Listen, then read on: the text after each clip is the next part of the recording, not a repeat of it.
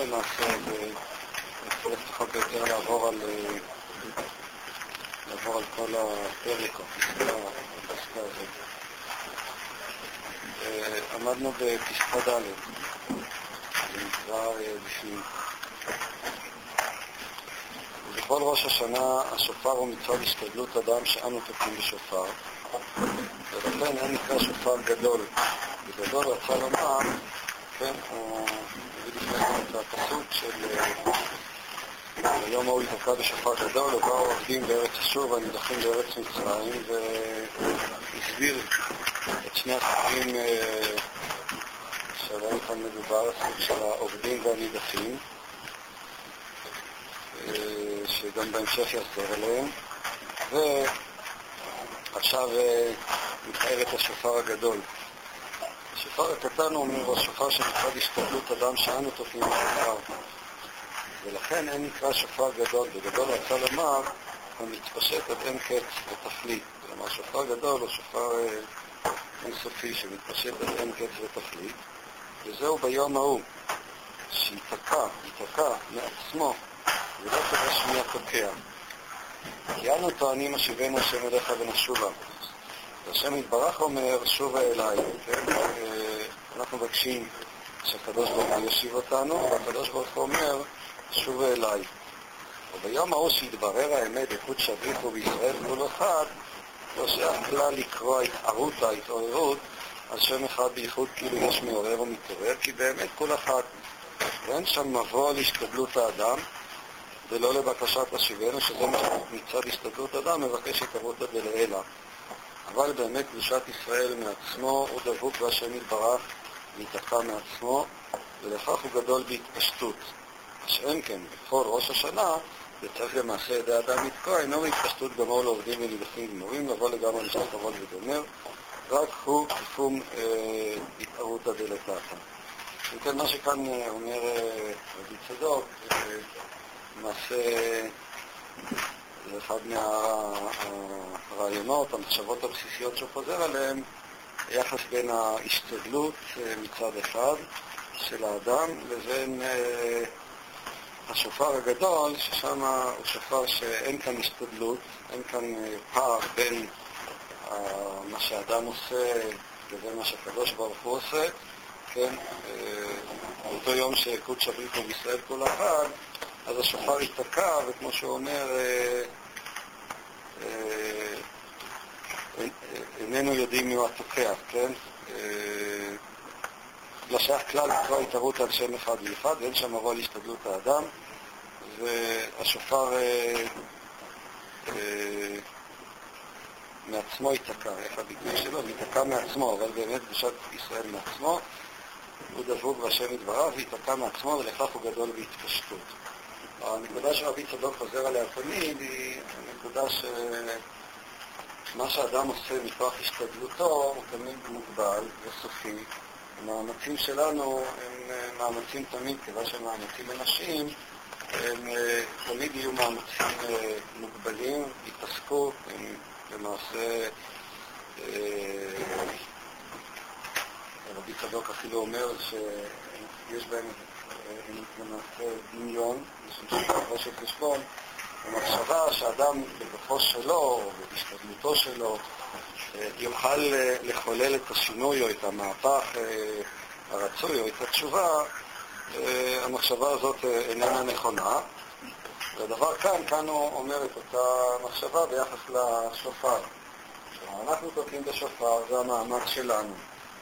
ההשקעה שאנחנו משקיעים, אבל ההשקעה הזאת בסופו של חשבון לא יכולה לחולל תשובה אמיתית, לא יכולה בעצם לחולל את השינוי.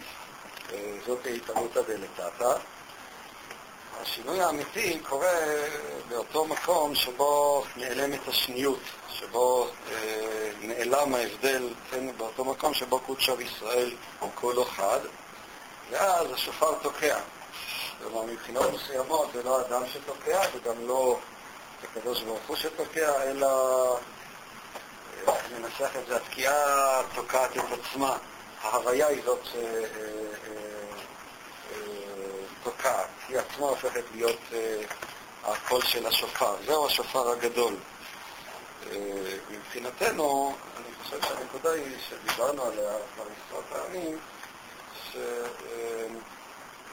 שבסופו של חשבון השינוי האמיתי, התשובה האמיתית, המהפכה האמיתית, היא למעשה לא מהפכה שאדם עושה אותה, אלא היא מהפכה שקורית, היא קורית. והיא קורית באותו מקום שכבר, כמו שאמרתי, נעלמת השניות בין אלוקים לבין האדם, או בין אלוקים לבין העולם. ומה שאדם צריך לעשות זה למעשה רק להיפתח לקראתה, להיפתח לאפשרות הזאת. העובדים והנידחים הם... העובדים והנידחים הם ישובו רק כשהשופר הגדול ייתקע. מה זה אומר לגבינו מבחינה יותר קונקרטית? אני, אני חש כאן שתי נקודות. הנקודה הראשונה היא, באמת אני חושב שהגישה לראש השנה היא גישה לתת לדברים לקרות. כלומר, בראש השנה עשויות להיות התרחשויות שונות.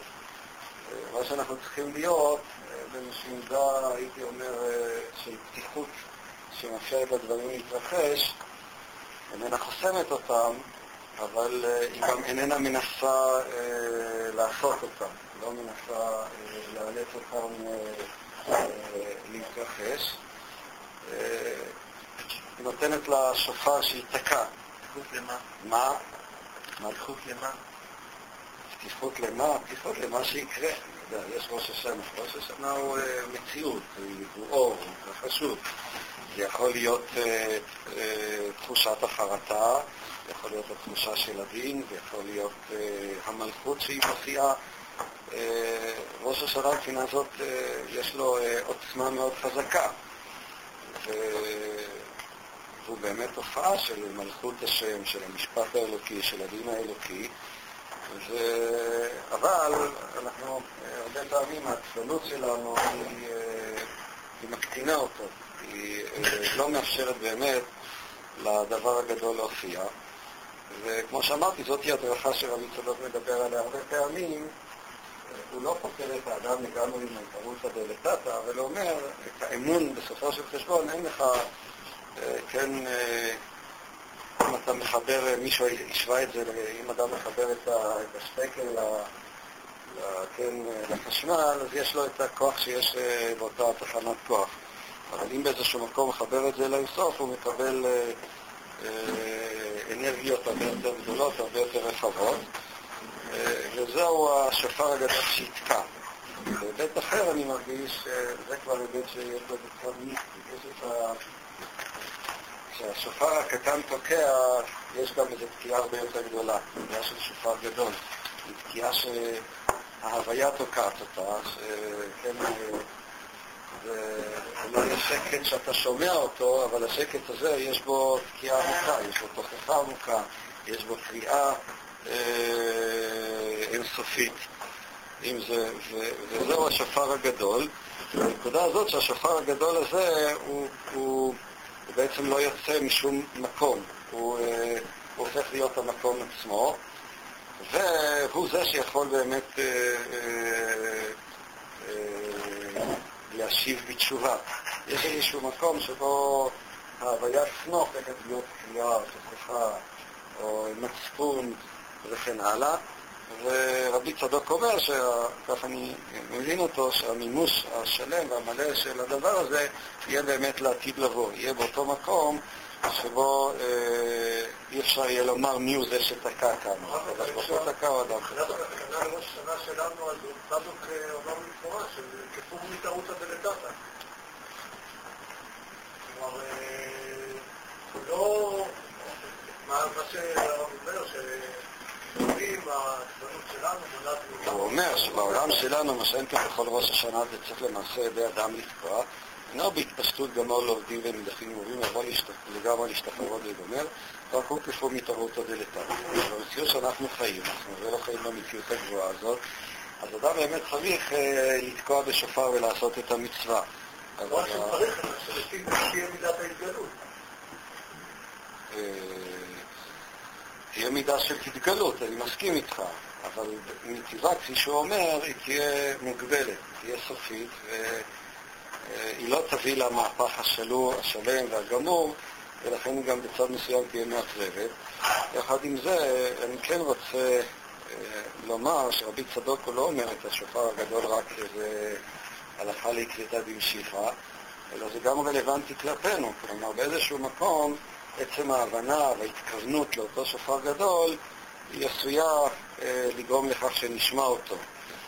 אולי לא, הוא לא, הוא נשמע אותו אולי גם כן, לא, עדיין הוא לא יביא לגאולה המלאה או לגאולה השלמה, אבל uh, יהיו איזה שהם רגעים שכן אנחנו uh, uh, ניגע באותו שופר גדול של העתיד לבוא. ככה אני מבין את זה. אם זה לא רבי צדוק, אז אני אומר את זה.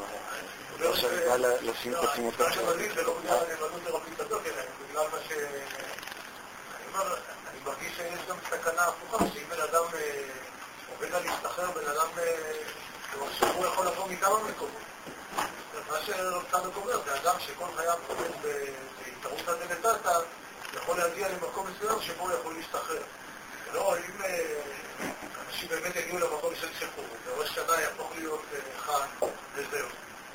לפי שראש שנה זה תעודת אחת ולא תפילת אחת. לא יגיע לפי הזה. המורכבות הזאת שקיים בעיתון ברקע, ואדם מצליח להגיע בצל של הדין לשחרור, זה המורכבות שיכולה ליצור את השופר הזה.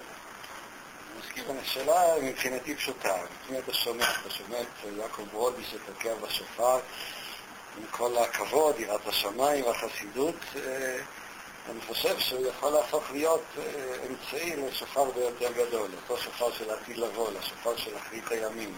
בתוך התקיעה של השופר הזה אני שומע, אה, אני חושב שאנחנו יכולים לכוון את ליבנו לקול שבו, לקול הגדול, לשופר, אה, כמו שאמרתי, של העתיד לבוא, לשופר של אחרית הימים, השופר שכן מכניס אותנו לאיזה סוג של מגע עם איזה רטט של היום ההוא ייתקע בשופר גדול, של אנושות שצועדת לקראת איזשהו מקום, של איזה אמון אה, בגאולה ובטוב שעשוי להופיע. אבל זו אחת הנקודות המרכזיות של ראש השנה. ראש השנה מבחינות מסוימות זה אחת ההיבטים שלו תמיד מרגיש, שהוא מקרין את הזמן של אחרית הימים. אנחנו מכוונים את עצמנו כן, לחלק מהפסוקים שאנחנו רואים שקורים ב... גם בתפילה עצמה, אבל בעוד יכולות ושפרות. על אותו יום שמלכות השם תופיע.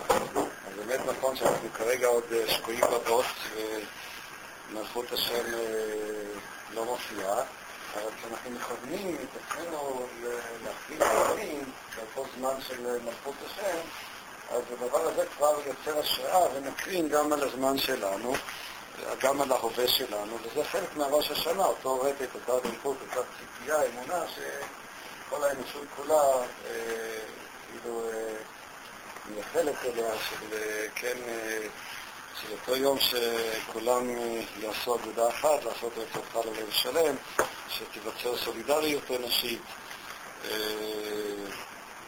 שה...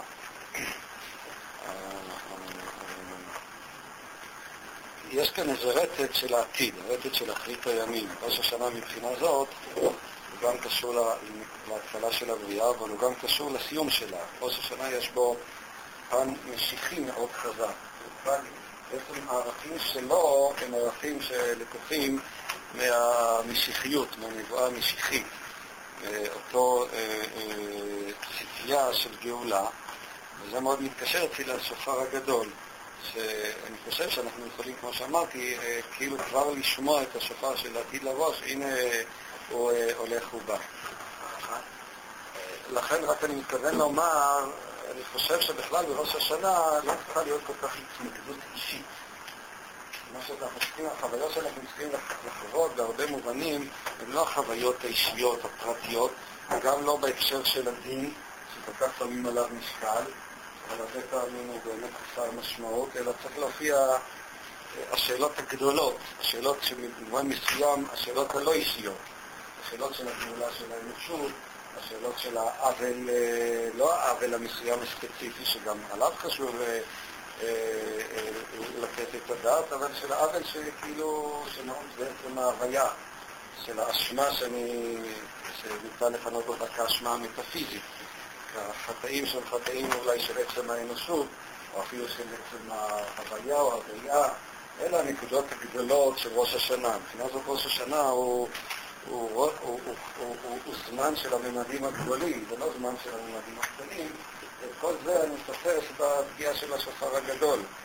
זה לא ניצב כאן כפרט, האנושות ניצבת בפני האלוקים. כל דיי עולם יבוא לפניו פנימי מרום.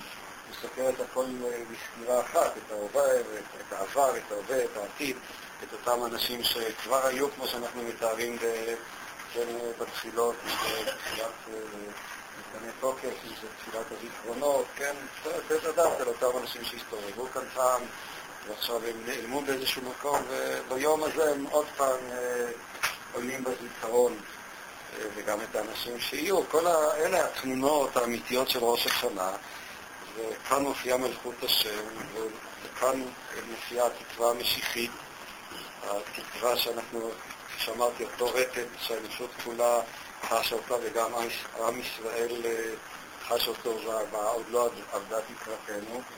אה, וכל זה נכנע אצלי בשופר הגדול, כמו שאמרתי, שאין כאן מישהו שתוקע אלא הבריאה כולה תוקעת, ההוויה כולה תוקעת, האנושות כולה. אה, בבקשה.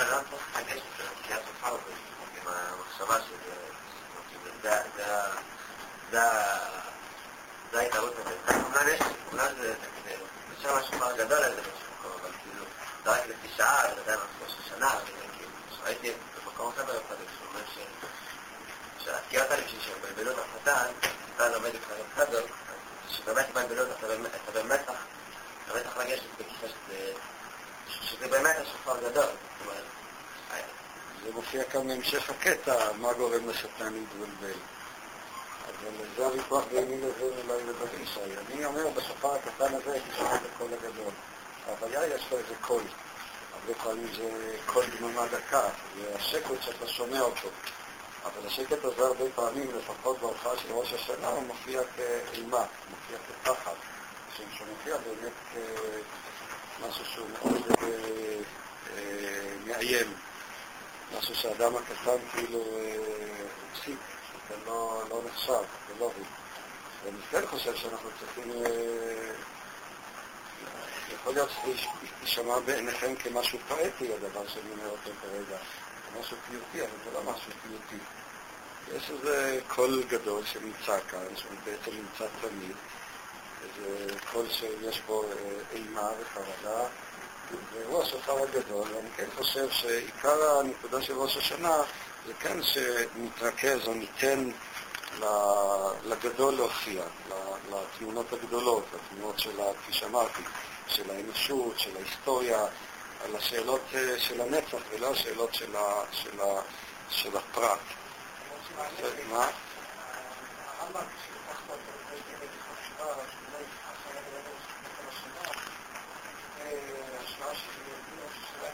myself, um, because when I'm always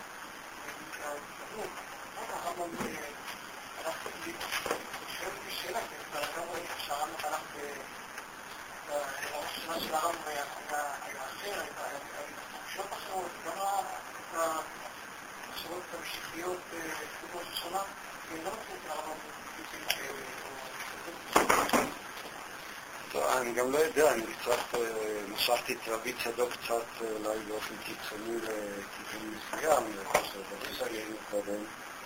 אז כמו שאמרתי, לא נדבר כרגע על רבי צדוק, לא נשים את זה תחת השמות. אני כן מרגיש, ולכן אני גם מזדהה, נגיד, השירה המשותפת, שהרבה פעמים מבינים אותך, מה פתאום אתה, אתה, אתה שר ביום מדהים. אבל זה לא ככה, השירה היא כמו שירת התקווה, כמו אותו רטט שאנחנו, שאנחנו שרים יחד, עוד לא עבדה תקוותנו, ופתאום אתה תופס שאנחנו שייכים לאיזושהי מודעות הרבה יותר גדולה. שהמודעות האינדיבידואלית שלה פתאום הופכת נעלמת ואני הופך להיות כאן שותף למפעל. מפעל שבסופו של חשבון הוא הרבה יותר גדול ממני.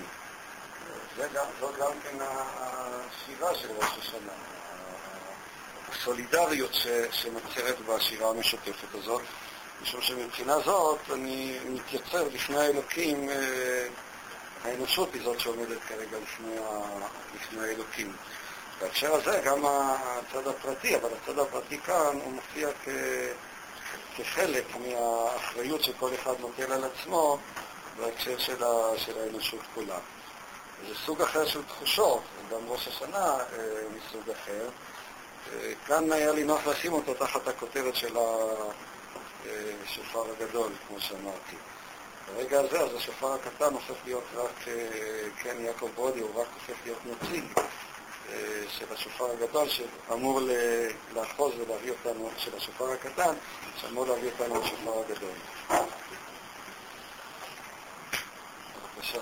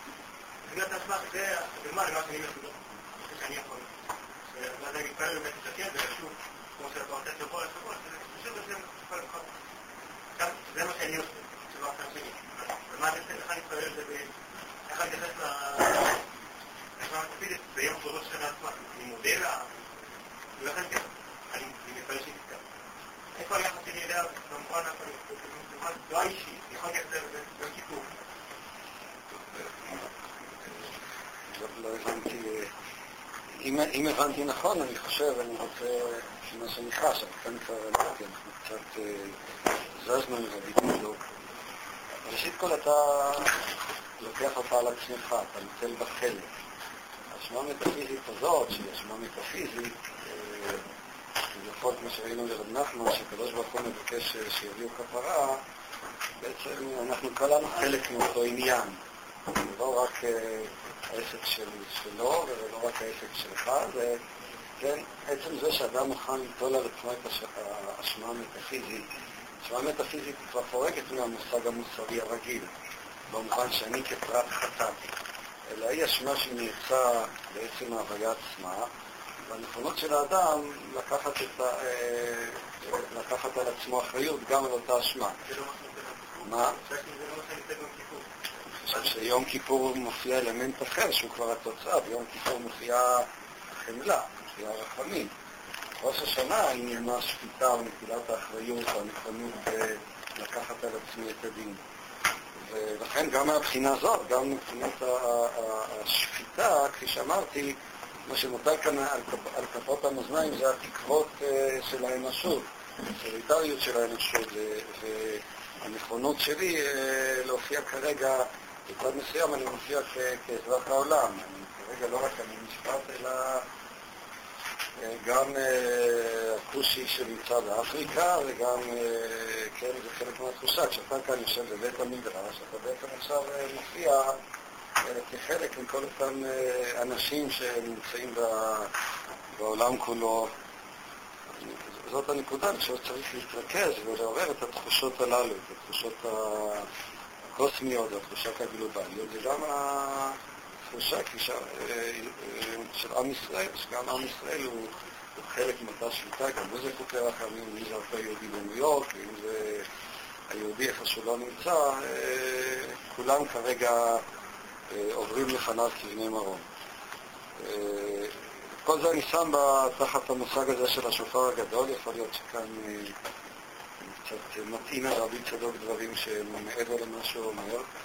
אבל יחד עם זה אני חושב שכן, כן עומד שיש כאן באמת שופר גדול, כלומר זה לא רק איזה מטאפורה או רעיון, אלא זה באמת אה, מציאות שקיימת. רק השופר הגדול, אם כן אומר, אומר רבי צדוק, אותו שופר שאיננו בהשתדלות של האדם, משום שההשתדלות של האדם היא תמיד השתדלות סופית, היא אף פעם איננה, אה, היא לא תתפשט עד אין קץ ותחתית, היא זאת שתביא באמת את העובדים הנידחים. הדבר הזה אומר, ומי ששומע כל שופר, כאן הוא חוזר לרעיון אה, אה, הקודם שלו, הוא מקיים מצוות השם, הוא מתעורר משיקועו בדמיונות העולם הזה, הוא מתעורר מהשינה, הוא מקיץ, ולפתע אה, כן, אה, מקבל את הנוכחות האמיתית של הקיום שלו, וממילא השטן מתערבב, כיכר הסתמתו, כפי שראינו, השיפוע בדמיונות. וזה כל אדם לעמד יולד, לעמד תורה, להוציא עצמו, כן, כאן הדמיון המובן של הפיקשן, לתפוס את, את השקר, לתפוס את הבלוף, לתפוס את, ה, הנועלות שיש במציאות. אדם כל הזמן טורח, עובד, חושב שמי יודע מה יהיה. בסופו של חשבון, תסתכל על האנשים שכבר לא כאן, מה, מה יצא מכל הסיפור הזה. זה חלק מהבעיה מה... שאנחנו באמת חיים בתוך דמיון. וצריכים להסתכל על הדברים באופן מפוקח, בצורה אפילו הייתי אומר זהירה, כדי שנוציא את עצמנו מדמיון שר ונדבק בתורת אמת.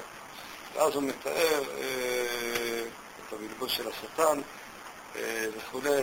אה, לא, לא, אה, אני, אני מדלג על הסיום של הקטע, לא, לא מוסיף כאן איזה רעיון חדש, נעבור אולי לפסקה הבאה. בכל מקום, אה, יש איזושהי נקודה שאדם אה, אולי קצת נוטה יותר לפן המוסרי, צריך להוציא את עצמו מהשקר, מהדמיון, לא לחיות בדמיון, להיות בצורה מאוד מפקחת. אני כאן, כך וכך שנים, לדעת מה אני עושה ולאן אני עושה ומה בעצם יוצא מזה, בצורה הכי, כמו שאמרתי, בלי לחיות בדמיונות. זה חלק מה, מההתעוררות שלנו, לחרוג מהסתם ומהפטפטת ולהסתכל באמת על הדברים כפי שהם בממשות שלהם.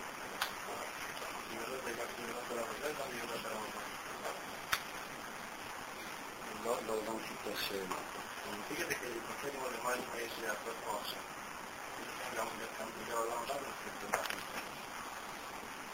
מבחינה זאת גם העולם הבא, זה צריך להיות העולם הבא של העולם הזה. זאת אומרת, העולם הבא, בהקשר הזה שעליו אנחנו מדברים, אה, הוא צריך אה, להביא אותי למגע עם, אה, עם איזה סוג של טוב, שהוא לא נמצא. העולם הבא, בהקשר הזה דיברנו על זה, יש לו ערך אה, אה, כאילו מדריך, מכוון, רגולטיבי. העולם הבא,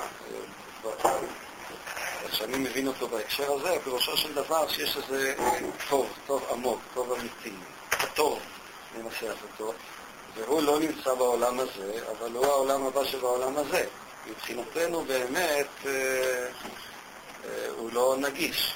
מצד שני, הוא הדבר שמכוון אותנו, שגורם לנו, שנותן לנו את ה... מה? אנחנו נאמר בשיחות בעמוד 9, העולם הבא הוא כל הזמן בא. אז הוא לא נגיש, אבל הוא בא, כי העולם הזה הוא כל הזמן זה, הוא סגור ונמצא במשהו. לכן יש משהו בעולם הבא שהוא כן יכול לבוא כל הזמן. זאת אומרת, עושים את זה. אני מסכים עם כמו שאמרתי, העולם הבא שנמצא בעולם הזה. אנחנו יכולים לפעמים באיזה מחווה שאנחנו עושים לזולת, ואיזה דיבור אמיתי, ואיזה אה, תובנה לגעת, הוא יכול להעיר לנו, וכשהוא מעיר לנו יש לו נוכחות ונוכחות מאוד חזקה, אבל זה בדרך כלל מיד חומק. מצד שני, ברגע שהוא אי פעם עלה באופק שלנו, אז כבר אנחנו יודעים שיש כאן משהו אחר. כבר לא...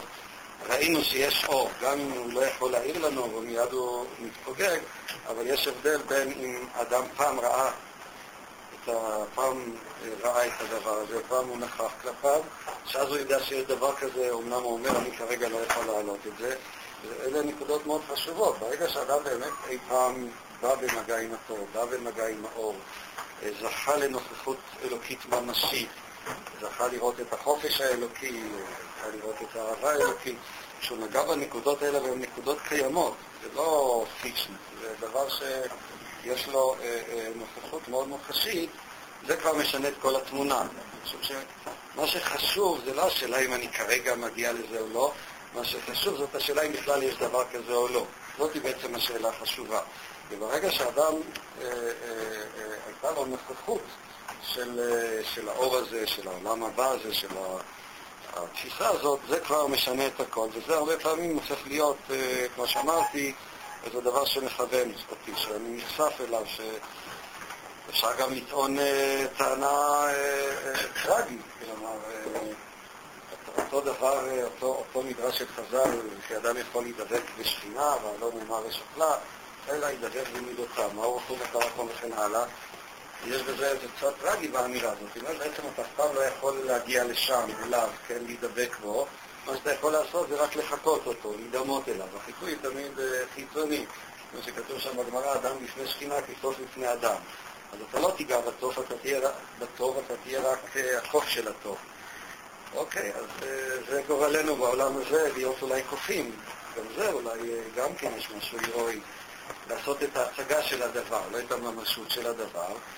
אבל, כמו שאמרתי, בכל זאת אני כאן מחכה, מציג משהו שעומדת מאחוריו הממשות, שמבחינתי איננה נגישה במציאות של העולם הזה. אבל גם כאן יש אמירה והיא אמירה ממשית, לא אמירה פיקטיבית. הרב, איך אתה יודע שהאידיאלית מעניינת הנוכחות האלוקית הזאת, מה... אולי אתה מדמיין שאתה מהדמיון, להגיד שזה דבר ש... מכיר אותו כחוויה, אתה מגלה שחשבת שאתה מהדמיון, דמיינת שלא. שאלה שתמיד חוזרת. על כל דבר אתה יכול להפעיל ספק, ולשאול אולי לא להקים בני לך. ולמה אתה נאחז? אני לא נאחז בשום דבר. אני רואה אותך, מה אני נאחז? יש כאן את יונתן, לא? ומה אני נאחז? מי אמר שצריך לאחד למשהו? אני מרגיש. זה לא מרגיש נכון. אחד הדברים שמחשיבים אותנו שאנחנו רוצים לאחד, אל תאחד. זה אלוקים שיאחוז אותך במקום שאתה תאחוז אותו. מה? האחיזה היא רצון לביטחון, היא נובעת מאיזה אגו שרוצה להבטיח לעצמו שהוא נכנס, שהוא בטוח. אין דבר כזה, אל תאחד, תן לעצמך את השחרור מהצורך לאחד, ואז או שיקרה משהו או שלא יקרה, אבל בכל זאת אולי יקרה. אבל הסולם צריך להיות מצב בארץ בשביל שיגיע שם. בשביל לפעול פעולות כלשהו צריך להיות מצב בארץ. יש גם, כמו שנחמן אומר, זה כתוב שם, מגדל פורח באוויר. הסיפורים שלו מתאר את הצדיק, מי שגר בתוך המגדל הפורח באוויר, זה דימוי שנמצא בעקבות הזוהר, הזוהר. שמתאר את הבית של הצדיק כבית באוויר, אין לו אחיזה. אז מה אומר כדור הארץ? אין לו אחיזה, הוא רק בחלל, אני נורא מפחד, תכף ייפול, כמו אתה יודע. אבל כנראה שחוסר האחיזה הזו יותר חזק מכל אחיזה אחרת. זה בדיוק הנקודה שהרבה פעמים אנחנו צריכים להתגבר עליה, משום שהרצון לאכול הוא זה שמבין את הספק. כל זמן שאתה רוצה לאכול, אז אתה גם יוצא לך ספק. זו התגובה, תגובה מותנית. אי אפשר בכלל להכיר את הקשר הגורדי הזה בין הרצון לאכול לבין הספק. אז ככל שתרצה יותר לאכול, ככה הספק גם יתגבר. לכן, take it easy, מה יכול להיות? מישהו יסבן אותך, ירמה אותך, מה תשקיד את המניות בבורסה, מה יכול להיות? אז בין כה וכה אנחנו מפסידים. אני חושב שזאת הנקודה, הרצון הזה לאחוז היא בדיוק הנקודה שמפילה אותנו מטעם לטעם. במקום לאחוז, תבטח. תבטח לקדוש ברוך הוא. תבטח לקדוש ברוך הוא זה לא לאחוז, אלא להפסיק לאחוז. לתת אותו, הוא יעשה, מה אתה יודע מה הוא יעשה? לא בטוח שיעשה מה שאתה רוצה. לא יעשה מה שאתה לא רוצה. אוקיי, אבל זה בדיוק העניין שאתה מוכן... הדבר הכי קשה לנו זה לפתוח במישהו. אנחנו רוצים לשלוט, אנחנו רוצים לאחוז. אבל כמו שאמרתי, הרצון לאחוז עצמו זה שמסביר את הספק. אי אפשר... וביטחון בהשם זה לא נקודת אחיזה. ביטחון בהשם זה חוסר נקודת אחיזה. האדם בדרך כלל חושב שמבטח בהשם פירושו הנה אני נאחז במשהו. למה? אם אני בוטח בהשם הוא יעשה את מה שאני רוצה. אבל זה לגמרי לא בטוח. לפעמים אם תבטח בו בדיוק יעשה מה שאתה לא רוצה. אתה חושב שאם אתה לא תתפלל בבוקר אז יקרה משהו? לא יקרה שום דבר. זה בדיוק מה שהקדוש ברוך הוא רוצה. דווקא כשתתפלל יקרה בדיוק ההפך. הקדוש ברוך הוא לא משחק את המשחק שלנו, וממילא אל תחשוב שאם אנחנו מתחנפים אליו, זה כבר יעשה... אה, זה דימויים אה, נאיביים של אנשים אה, של דתיות פרימיטיבית.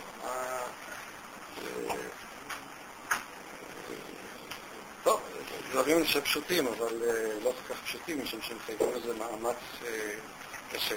טוב, נסיים את הקטע הזה, זה הקטע גם כגופה.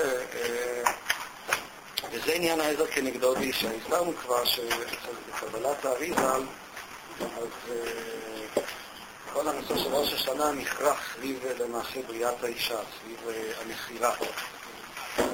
הדורמיתא, כפי שזה נקרא, היה תרדמה שהפילה לאדם הראשון, וכל הדין של ראש השנה קשור לכך שהאישה מופרדת מהאיש, וכאן רבי צדוק נותן לזה כבר, אה, הוא מפרש את זה על פי דרכו, לפחות לפי הבנתי, הוא לא הולך ממש בעקבות האריזל, אה, הוא נותן לזה פירוש אחר, אבל אה, הוא פירוש שכן קושר את העניין לראש השנה. וזה עניין העזר כנגדו באישה שבאה לידי הפלת תרדמה, שהוא הביטול לצורת אדם, כלומר המצב של השינה הוא הביטול לצורת אדם, ובשינה הכוח המדמה גובר, בשינה יש את החלום, את הדמיון, הדמיון כבר לא נתון תחת השליטה של התודעה, של המודעות, ולכן הוא אחד משישים במיטה. השינה היא אחד משישים במיטה, משום שהאדם מאבד את המודעות שלו ואת האגו שלו. והשם יתברך הפיל זה עליו, בעצם מה שרבי צדוק אומר, שהתהליך של התרדמה וההתעוררות הוא למעשה התהליך של הבריאה, וזה תהליך שחוזר על עצמו. ראש השנה, אחת, אחת מהנקודות, הרבה פעמים חלק מהמצוות, מבין חזרה לנקודת הראשית. אנחנו, כמו בשבת, זה היום של המנוחה. מה אנחנו עושים בשבת? אנחנו כאילו חוזרים לשבת הראשונה, לשבת שהקדוש ברוך הוא נח בה. אנחנו חוזרים אה, אה, אה, להתחלה כדי אה, להביא את עצמנו להתחדשות, כן? אותו משל אה, ש, שאני אוהב להשתמש בו, חתונת הזהב של זוג, כן? הם יושבים, מסתכלים עכשיו על התמונות של החתונה, ובזה הם רוצים לחדש את הברית שלהם, לחדש את החתונה שלהם, וכך גם ראש השנה. ראש השנה אנחנו חוזרים על אותו, אה, על מה שהיה אה, אה, בזמן הבריאה. מה אם כן היה בזמן הבריאה שהיא בריאת האישה? הייתה את השינה, וכן, כך הקדוש ברוך הוא בנה את העולם. להיות האדם ישן ומתעורר. כלומר, למעשה רבי צדוק אומר שהעולם תמיד בנוי על מצב של שינה והתעוררות. ועל ידי זה זוכה לעזר כנגדו בקיום המין בנצחיות והתפשטות לעולם, לעולמי עד, שאפשר רק על ידי השתקעות בדמיון גם כן. אבל רבי צדוק מוסיף אלמנט, אם מקודם למדנו על הדמיון כשלילה, על הדמיון כמשהו שלמעשה צריך אה, להיאבק ולהתעורר ממנו, כאן רבי צדוק אה, מוסיף ואומר שהדמיון או השינה היא חלק הכרחי של התהליך. זאת אומרת, כל היכולת להתעורר בנויה על ההשתקעות בדמיון קודם. וזה הצעד אה, החיובי שיש בדמיון. למעשה, תכף נראה שהוא מדבר על שני סוגים של דמיון, אה, אולי נקרא באמת אה, אה, בהמשך. אבל אי אפשר לזכות לאישה אלא אם כן יש לך דמיון לפני כן. אם אין לך דמיון ואתה לא נמצא בשינה, אז אה, אתה יכול לזכות בעזר כנגדו. כדרך שאמרו ביומה כשביטלו יצרה דאריות והשתקף ביאטה, כן, הסיפור אה, המפורסם שם אה, בגמרא, שרצו לבטל את היצרה של האריות, כלאו אותו בדודה דאברה, ואז לא מצאו ביצה לחולה כדי שהוא יתרפא. ויצרה דאריות, הצד השלילי של היצר של האריות, ההשתקעות בדמיון של בטלה דוגמת השינה. אם כן, בהגדרות שאמרנו מקודם יש שני סוגי דמיון. יש את הדמיון של הבטלנות, הדמיון המזרחי, הדמיון אה, של... אה, אה, שמבחינת יצר רע זה, זה אשנתי, אבל אשנתי במובן השלילי, שאתה לא עושה שום דבר, ההשתקעות בדמיון של השינה, ואז אומר רבי צדוק, היצר הזה לא יתבטל, וזה מה שלא יתבטל לגמרי גם לעתיד לבוא. כמו שאמרו בזוהר, דאיכרי לבן, היצר הזה נקרא לבן, למה? כן, הם דורשים את זה על ארמי, עובד אבי, על לבן, הארמי. דהתלבן, שהוא מתלבן. דילב הכי חמידא דאורייתא לא ישתכח. בלי היצר של השינה, שהוא הדמיון, אז אה, לא הייתה גם החמדה של התורה, הייתה נעלמת התשוקה. התשוקה, הדמיון, הכרחי שהוא קשור ל... התשוקה קשורה בהכרח לדמיון ולשינה. אם אין דמיון, אין גם כן אה, תשוקה. אפשר לומר, לנסח את זה בצורה הזאת, הדמיון קשור, התשוקה קשורה לפנטזיה. אדם שחי כל הזמן בנוכחות של המציאות כפי שהיא, אף פעם לא תהיה לו תשוקה. התשוקה היא נמצאת באיזשהו עולם שאיננו בעולם היעיל, הפרגמטי, האינסטרומנטלי של העולם הזה. אנשים שהם נורא מעשיים הם אנשים גם שהם אה, חסרי תשוקות מהסוג הזה. אין להם רומנטיקה. הרומנטיקה וגם החמידו דאורייתא, גם התשוקה של התורה, מחייבת אה, אה, השתקעות בדמיון, השתקעות בדמיון של השינה. השינה מבחינה זאת היא איזה מצב של חזרה לאחדות, מצב שבו התודעה איננה שולטת, והיא כאילו הכרחית כדי אה, אחר כך להביא לתשוקה. כי עיקר חשק התורה מצד מילוי לחיסרון שהתאבלים ליצר רע, והיינו יצרא דאריות והשתקעות ודמיונות הבלים, זה הדמיון השלילי, אז זה התורה תבלין להיות כל דמיונותיו בדברי תורה. התורה, אם כן, היא הדמיון החיובי, שכוח המדמה יוכל להתפשט גם כן במחשבת דברי תורה אה, גם כן, הבאים מצד כוח המדמה. עד שגם הדמיון כולו תורה ואמת. אם כן, יש את הדמיון של הקדושה, הפנטזיה של הקדושה, שהיא בעצם אה, לימוד תורה, תשוקה של לימוד תורה. הרבה פעמים אפשר לומר שבחורי ישיבה מתעלים את הדמיון שלהם, את התשוקה שלהם, את האנרגיה התשוקתית שלהם, הם מתעלים לכיוון של תורה. בין תורה אמיתי אתה חש הרבה פעמים שיש פה את האנרגיות הללו, שבאמת, כפי שאמרתי, מתועלים בתוך הלימוד, בתוך הלימוד ואפילו לתוך הלמדנות. זה מה שנותן לתורה את החשק שלה. וזה אומר התפקיד החיובי, כן, התורה שהיא תבנין ליצר הרע, והיצר הזה, הרע הזה, הוא יישאר תמיד, הוא יישאר אה, אה, גם לעתיד לבוא. היצר אה, המיני שעליו הוא מדבר כאן, מצד האריות, הוא לא ייעלם, משום שהוא חלק חיוני בתהליך. בלעדיו התהליך לא יכול להיווצר. צריכה להיות השינה כדי שאחר כך יתגברות עליה, וכדי שהיא תוכל להיות מושקעת לאחר מכן אה, בתורה. הייתי אומר שיש כאן איזה מין אפילו תיאור אה, הגיליאני כזה. יש את השינה, את הדמיון, את הפנטזיה, לאחר מכן צריכה להיות התגברות כנגדה, שזאת ההתעוררות. הצד השלישי, הסינתזה יהיה כשאותו אה, דמיון, אותה פנטזיה, תהיה משוקעת, תתאחד עם ההתגברות כנגדה, שזה התשוקה של התורה, שזה החמידו דאורייתא, שזה כבר הופך להיות הפן של הקדושה. זה מה שהוא אה, אה, מסביר כאן, וזה חלק מהתהליך של הבריאה. התהליך של הבריאה הוא כזה שמתחיל בסוג של שינה, לאחר מכן יש את ההתגברות, את המסירה, והשלישי זה אה, השלב שבו הדמיון מושקע בתוך התורה. אפשר לומר שבלי דמיון אין עולם. בלי דמיון העולם הופך להיות עולם טכנוקרטי, עולם של טכנאים, עולם של ביצועיסטים. וזה לא שהדמיון הוא שקר, זה כבר דמיון של אמת, כפי שהוא אומר כאן. זהו בעצם אה, העולם, זה הצד החיובי של העולם, שהוא כבר הופך את העולם עצמו אה, אה, לתורה. זו אחת הבעיות שלנו, שאין לנו תשוקה במובן החיובי, אין לנו תשוקה בתורה. אני חושב שהגולדי, זיכרונו לברכה, הוא אמר את זה אחרת. אני חושב שלמה שהוא אמר, אני לא כל כך מסכים. אז הוא אמר שהחבר'ה היום הם, אה, איך הוא קרא לזה, תת-תנ"ך אומרים ביידיש. חבר'ה טובים, מנומסים, כל אחד אומר שאנחנו היינו בעץ חיים, שמי שהיה אומר חידוש יותר טוב מחבר שלו, היינו טורפים אותו, ולא היינו נותנים לו, אה, כן? אז זה כבר היה פן שלילי, שהיה איזה מין תחרותיות, בישיבות לפעמים זה מאוד קיים, יש ככה תחרותיות מי, מי יוכתר בתואר הלמדן של הישיבה אה, וכן הלאה. זה הצד השלילי שבעולם של ישיבות ההסדר הוא בכלל לא קיים, משום שלהיות למדן זה לא בכלל איזה תואר כבוד או משהו. אבל במובן החיובי ניקח את אבות, והוא אמר את זה ככה באיזה מין קינה כזאת. הם אה, ילדים טובים, ילד טוב ירושלים.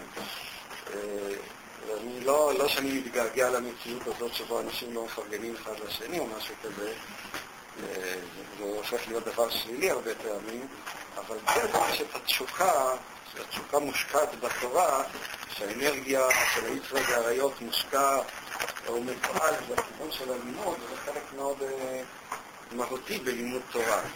אה, לימוד בלי תשוקה הוא בעצם אין תחמידו דאורייתא, כפי שאומר כאן, כפי שנאמר כאן בזוהר. זה אחת הבעיות, שאנחנו, אין לנו הרבה פעמים, אה, אין לנו את התשוקה, אין לנו את היצר הרע שנכנס כאן לתוך היצר טוב, את היצר והעריות.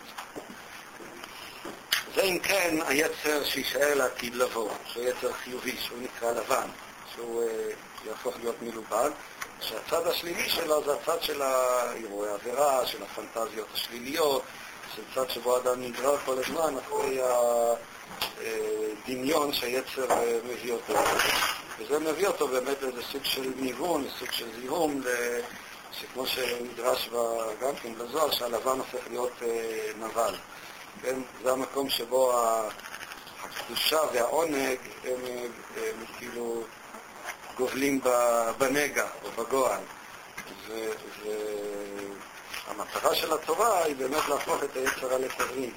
יש גם תופעות של המגנזר, שנסתם נזכרתי בזה אגב, אומר, כמו שהתבלין, מה הוא העיקר? העיקר הוא העיסה, התבלין הוא רק אה, מעט, ככה גם כן אתה רואה רק תבלין, אבל העיסה בעיקרה זה היצר, רק צריך להיות את התבלין, ואז אה, העוגה הופכת להיות עוגה טובה.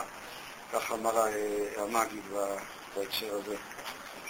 מה שאין כן יצחד העבודה הזרה זה מאוד מעניין, שוב הוא חוזר לדיכוטומיה הזאת של שני הטיפוסים, של כינינו אותם כטיפוס המזרחי מול הטיפוס המערבי, הטיפוס ששואף ככה לאחדות מול הטיפוס של היעילות. אז את הטיפוס של האחדות, אף על פי שקודם הוא אמר שהוא הרבה יותר עובד מאשר הנידח. העובד זה אותו אחד שהלך להודו ושם אה, נעלם באיזשהו, אה, אה, באיזושהי שינה, באיזושהי, אני יודע, באיזושהי נירוונה.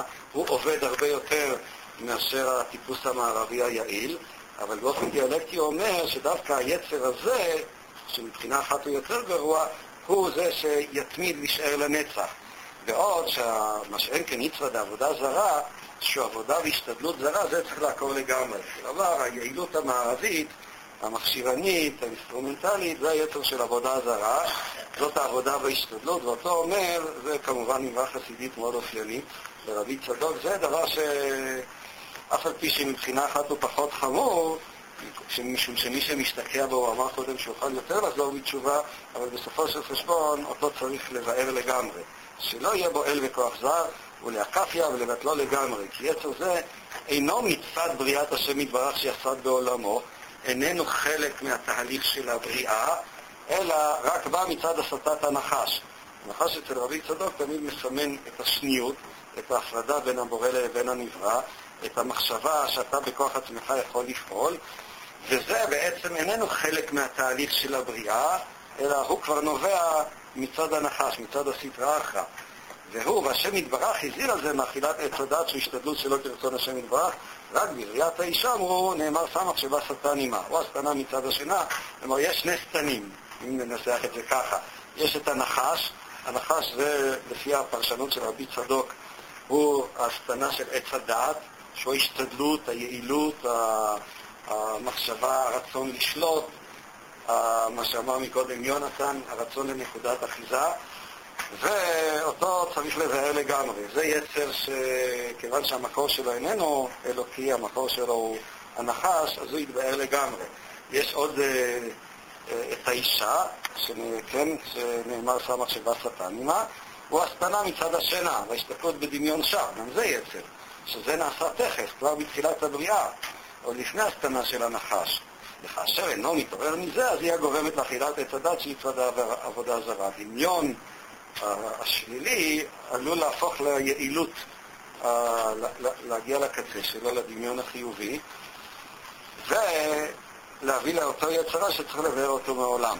אבל כאשר השינה רק כרגע, כפי צורך הספרות מאוד של רצון השם יתברך, כן, להיות מחוכמון מכבוד ומתעורר תכף, אז הוא העזר כנגדו.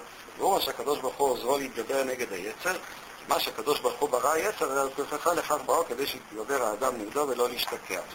ונמצא מה שהקדוש ברוך הוא ברא הוא עצמו העזר שלא להתגבר נגדו, שהקדוש ברוך הוא עוזרו, שהרי לכך נמצא. וכן מה שהוא אומר, שהקדוש ברוך הוא ברא את היצר, בריאת היצר זה עצמו, מה שכתוב שהקדוש ברוך הוא עוזר גם להתגבר על היצר.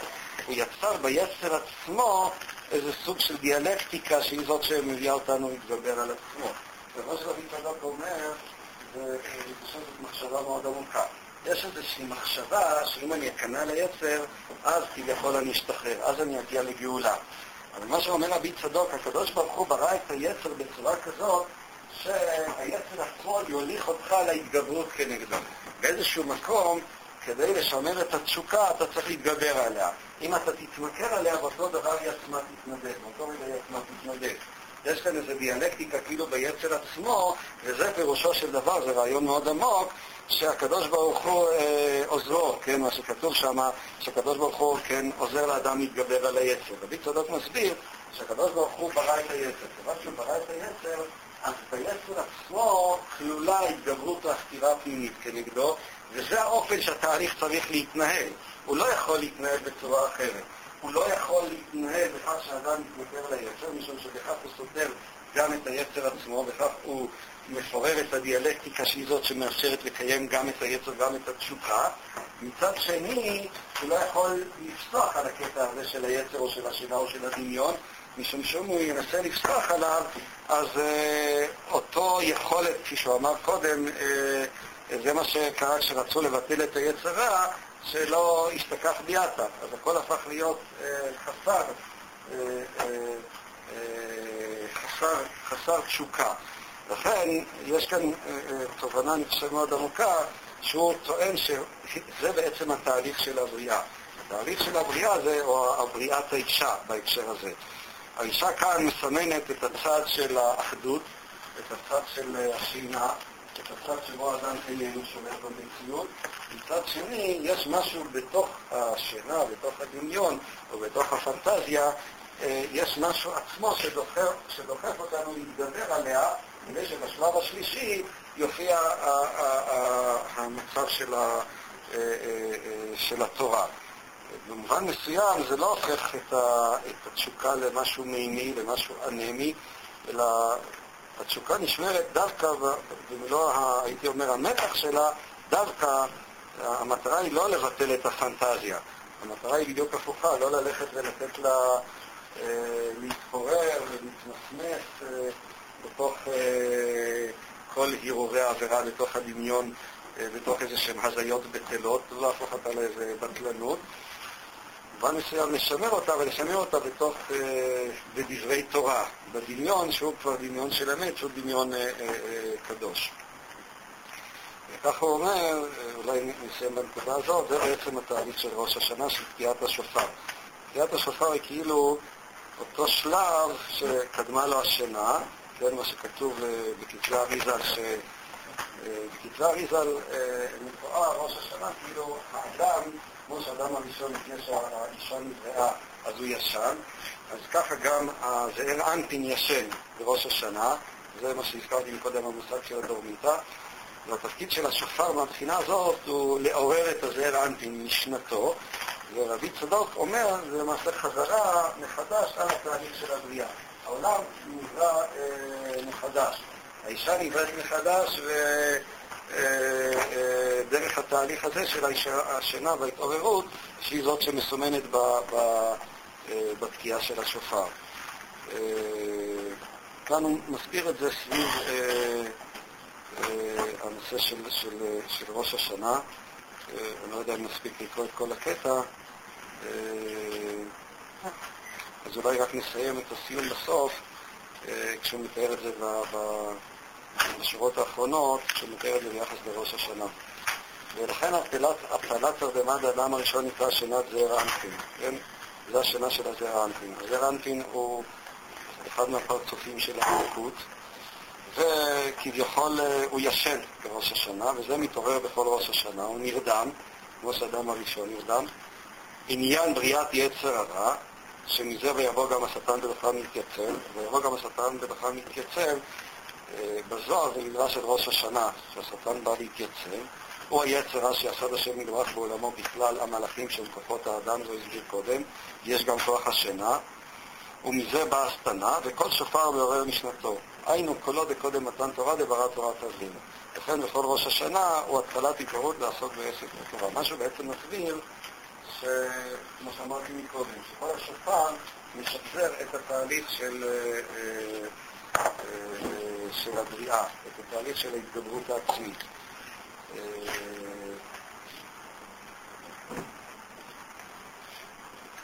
מה, שוב אני אנסה קצת להעביר את זה, איך אני מבין, מה, מה זה בכל זאת אומר לגבינו.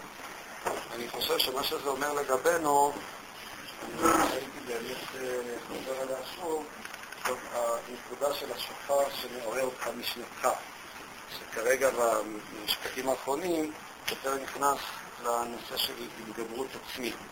התגברות עצמית זה סוג סוג של התעוררות. זה לא איזה כפייה שאתה כופה, בשביל שכפייה תמיד מוטלת כלפי משהו מחוצה לך. התגברות עצמית זה דבר שאתה נובע מתוך עצמך לעצמך. זאת ההתגברות העצמית. וההתגברות העצמית מבחינה זאת היא באמת דומה למה שדיברנו על התורה, עצמית וכן הלאה. היא נובעת מאותו מקום אה, שהוא אתה עצמך, שאתה מסוגל כאילו להתנער מתוך עצמך לעצמך. זאת היא ההתעוררות של תקיעת השופר. ובהקשר הזה, אז באמת ראש השנה הוא איזה מין חלק באמת, אה, אנחנו, יש להניח שבמשך השנה אה, נמשיך הלאה להשתקע בשינה, זה חלק מהתה, מה, מהתהליך עצמו. ובכל זאת יש כאן אפשרות אה, להתעורר פעם, להתגבר על עצמך כדי אה, להביא לאיזה תהליך אה, מחודש של בריאה.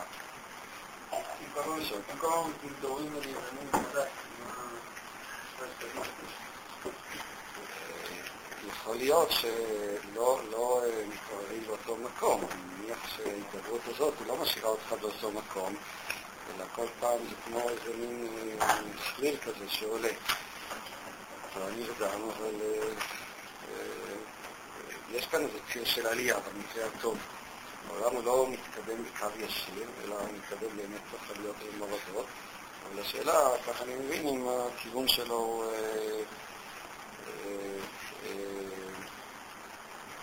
כיוון של עלייה. יש כאן גם מסר נוסף, שאל תצפה שאי פעם אתה תנוח על זרי הדפנה, שאתה לא תיפול, שאתה כבר תקבל איזה נקודת אחיזה שתמיד לך ביטחון, לא, אתה עוד פעם תרבה.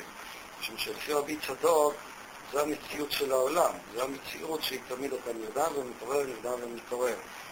בלעדיה אי אפשר, העולם לא יכול להתקיים, הוא לא קיים כמשהו שכל הזמן עומד יציב ובלתי משתנה, וכך אפשר לומר, אתה מחמיץ את עצם הריתמוס של הבריאה, את עצם הריתמוס של העולם, את עצם הריתמוס של הפנטזיה וההתגברות וכן הלאה, וזה האופן שבו הוא קיים, לפחות במציאות של, ה...